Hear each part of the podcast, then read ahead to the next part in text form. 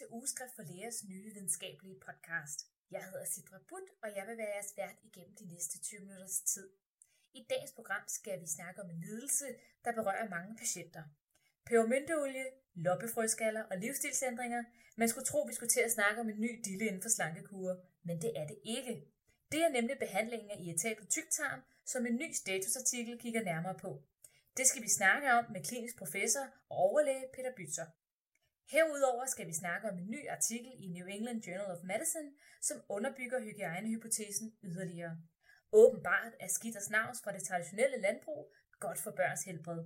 Det skal vi snakke om med ugeskriftets medicinske nyhedsredaktør og overlæge i kardiologi, Per Lav Madsen. Så velkommen til ugeskriftets første videnskabelige podcast.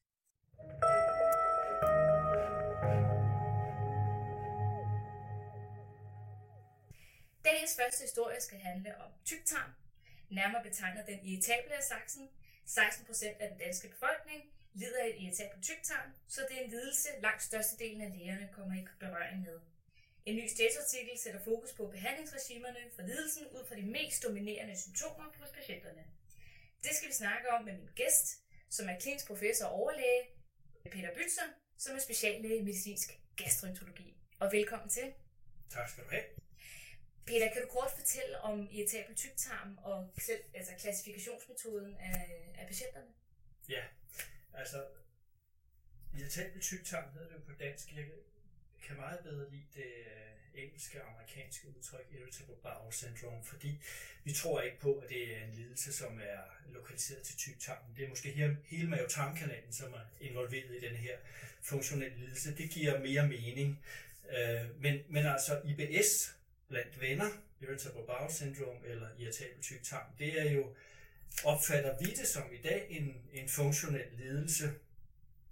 Øh, vi kender ikke etiologien. Vi ved, den rammer øh, et sted mellem øh, 10 og 15 procent af voksne danskere mellem 18 og 50 år. Alt overvejende kvinder. 3-4 gange så mange kvinder som mænd.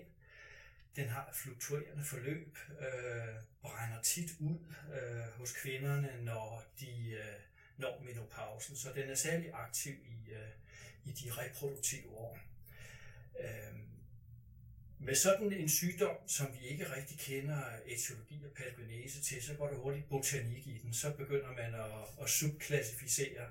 Og det giver også lidt mening øh, i at tage tyktarm, fordi vi indretter behandlingen imod det dominerende symptom.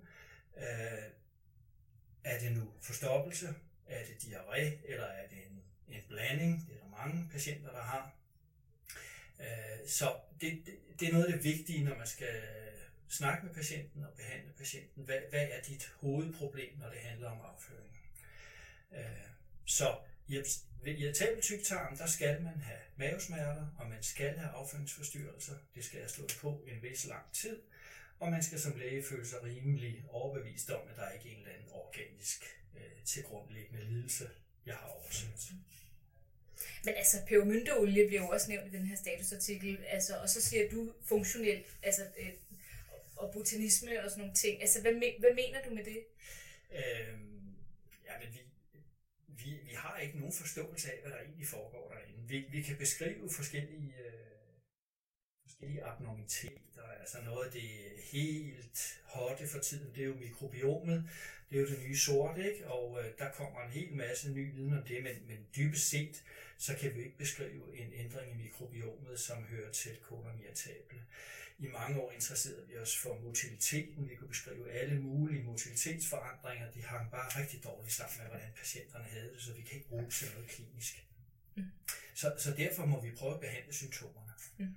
Øh, og når du siger pebermynteolie, jamen så, så, så er det øh, måske en af de ting, man kunne have i skuffen, fordi det er relativt harmløst, og hos nogen hjælper det på smerterne. Mm. Okay. Hvad er det nye ved den her statusartikel? Hvad er det, vi skal lægge mærke til? Øhm, den, den giver en, en god oversigt over øh, nogle af de mest almindelige behandlingsprincipper. Der findes et utal af andre, som ikke er omtalt i den her. Øh, men men de, de vigtigste, og der hvor der er bedst, hvor det er bedst undersøgt, kan man sige, der, der, der giver den et godt overblik over, hvad er der af muligheder, og øh, hvad kan man anbefale, hvad kan man fraråde. Det bliver en afvejning af mulig gevinst over for mulige bivirkninger og pris. Så, så det er vel det, den øh, overvejende gør. Der bliver også lagt noget vægt på læge-patientforholdet. Har det noget at gøre med den funktionelle del af det, tænker du, eller hvordan? Altså, det er jo altid vigtigt, men, men det er i særlig grad vigtigt ved en lidelse, hvor, øh, hvor man øh, skal overbevise både sig selv, men i høj grad også patienten om, at de fejler altså ikke noget andet. Og der er det fantastisk vigtigt at have øh, et trygt og godt øh, forhold til sin patient, og som patient stole på sin læge. Øh, for man kan jo ikke få øh, et bevis sort på hvidt, et røntgenbillede eller en blodprøve, som beviser, at du har koloniatabel og ikke noget andet. Så, så derfor er det fantastisk vigtigt. Øh, øh, mange patienter øh, døjer med de her symptomer i mange år, og når de søger læge, er det tit fordi, de er blevet urolige. Øh, man bliver bombarderet med budskaber om, at øh, kræfter opdages i tide, kan helbredes, og øh, jeg må nok hellere gå til lægen, for nu har jeg haft ondt i maven i to og et halvt år, og kan vide, om det ikke er et eller andet forfærdeligt.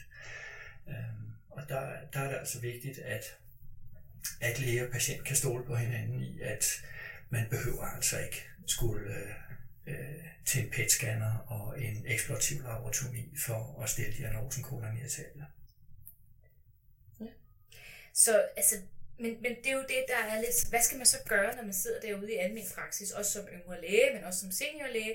Altså, hvad, selvfølgelig er der nogle faretegn, vi alle kender, men, men hvornår tænker du, at man skal begynde at overveje at sende folk til, i stedet for at sende dem i cancerpakker, så måske sende dem til øh, ah, medicinsk gastroenterologisk ambulatorium, eller hvad, hvor er det, vi er? Øh.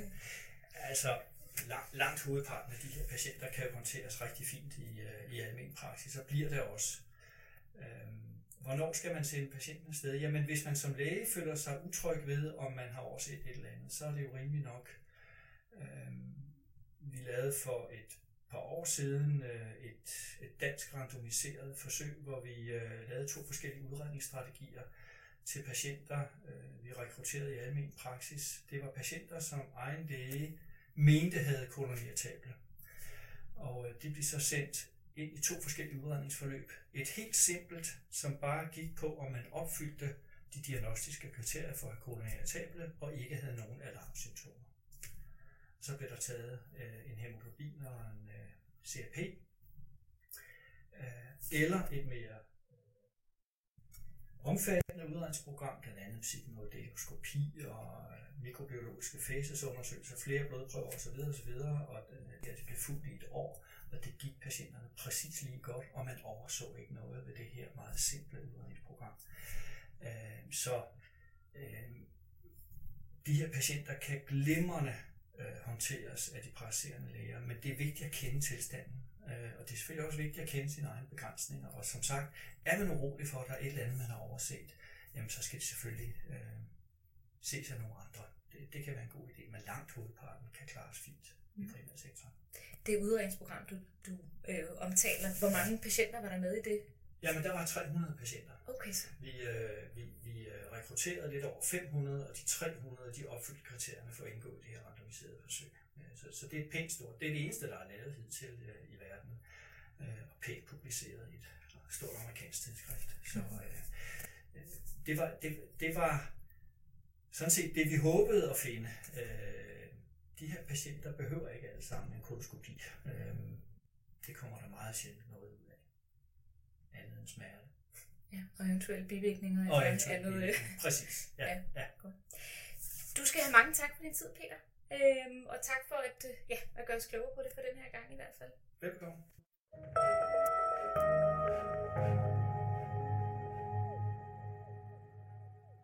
Vi går nu videre til dagens næste historie. Det skal handle om en ny undersøgelse, publiceret i New England Journal of Medicine, som underbygger hygiejnehypotesen yderligere.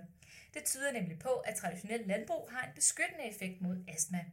Vi skal snakke med ugeskriftets medicinske nyhedsredaktør og overlæge i kardiologi, Per Lav Madsen, om hygiejnehypotesen og hvad den amerikanske undersøgelse helt konkret viser. Velkommen til, Per. Tak. Et gammelt ordsprog siger, at vi har brug for syv pund skidt om året. Er det øh, det, hygiejnehypotesen går ud på? Ja, det er det faktisk. Det er, en, det er en sjov hypotese. Man har vidst i mange, mange år i den vestlige verden, at der kommer mere og mere allergi og astma. Og øh, i samme tidsrum er vi jo blevet mere og mere renlige, så at sige. Vi øh, bliver eksponeret for mindre og mindre skidt, som vi gjorde i gamle dage, da vi arbejdede i landbruget. Øh, så den teori har man haft en del år, at det måske kan hænge sammen med, at vi bliver eksponeret for for få allergener, når vi er, når vi er børn og unge. Og det har været sådan lidt svært at kigge på og underbygge. Øh, og så er der nogle forskere fra Universitetet i Arizona, der fik en god idé. De øh, kiggede på nogle af de protestantiske grupper, der udvandrede fra alpeegnene i Europa i løbet af det, af det 18. og 19. århundrede. Og det er specielt de to grupper, der hedder Amish og Hutteritter, som de kiggede på. De er, og det påviste de også i studiet, de er genetisk næsten ens de er meget, meget, de, de, de er meget, meget ens øh, som udgangspunkt. Så de forskelle, man må se mellem dem, de må, de må meget komme fra miljøet, de har været udsat for. Og så er der det lille sjove, at øh, øh Amish og Hutteritter, de har bosat sig det samme sted i Nordamerika. Amish bor specielt i Ohio, øh, og hvor der dyrker de landbrug, og de lever på en meget traditionel måde så er der bare den lille forskel, at Amish de har holdt fast i, at de gerne vil dyrke meget traditionelt landbrug. De har, de har heste og grise og køer og får, og de øh, bruger heste til at trække deres øh, vogne, øh, mens huseritterne ligesom tog det moderne landbrug til sig. Så de har sådan lidt mere moderne industrielt landbrug. Så de to grupper, de var stort set ens, fraset det, at de, øh, der var forskel på, hvordan de dyrkede deres landbrug. Og så prøvede de her forskere fra Universitetet i Arizona at øh, kigge på øh, forskellen i astma og allergi, og den ved man faktisk eksisterer. Det vidste man før det.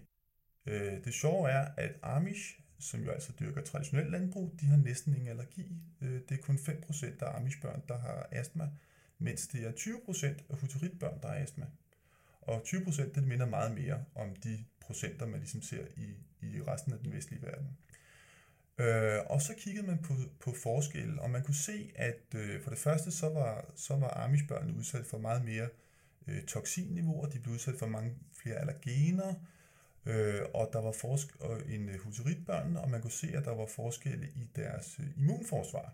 Huteritbørnene, der altså ligesom var de moderne, om man vil, de havde øh, masser af eosinofile i blodet, og det er jo det, man ser, hvis man øh, udvikler astma og allergi, mens øh, Amish-børnene, de havde ikke særlig mange øh, eosinofile. De har til gengæld mange flere neutrofile granulocytter, og øh, de neutrofile granulocytter, de ekspressionerede eller udtrykte en masse gener, som man har forbundet med det innate immunforsvar, altså det meget basale immunforsvar. Øh, ikke normalt det, der er involveret øh, i, i almindelig øh, allergi. Og man kunne se, at hvis man tog nogle mus, som man havde gjort defekte over for nogle af de her gener, som de kunne identificere i Amish-børnene, øh, og så udsatte dem for de samme toksiner, så, øh, så skete der det utrolige, at så fik de øh, astmaallergi i sådan nogle astma-modeller, som man kan gøre i mus.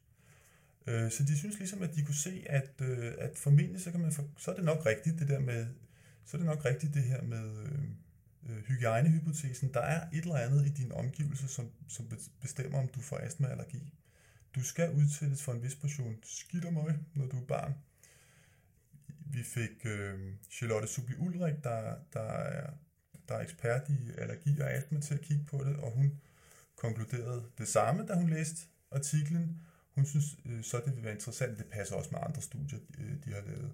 Hun synes så, det er interessant stadig at finde ud af, om man skal, om man skal vedblive med at være udsat for skidt og møg, eller om det er godt nok, man bliver det i barndommen. Mm. Altså, ved du, hvad modstanderne af hygiejnehypotesen siger? Ja, altså, jeg, nu, jeg er ikke ekspert på området. Jeg, jeg er kardiolog. Ja. Men hvad hedder det, så vidt jeg forstår, så har en del af problemet med, med hygiejnehypotesen været, at øh, man har lavet nogle korrelationer, der er tidsrelateret. Det vil sige, at man vidste, at i gamle dage, der havde man ikke så meget allergi, og så i dag, så har man mere allergi, og i det samme tidsrum, der er man blevet mere og mere renlige. Men der kan man komme til at lave den statistiske fejl, øh, ligesom at man populært kan få hvad som helst til at korrelere med oliepriser, fordi oliepriser er steget de sidste 50 år, så er der næsten ingenting. Så kunne vi også sige, at det var olien, olieprisen, der bestemte, om du fik allergi, fordi de er alle sammen, fordi de er steget på samme måde som allergifrekvensen. Øh, øh, frekvensen. mm.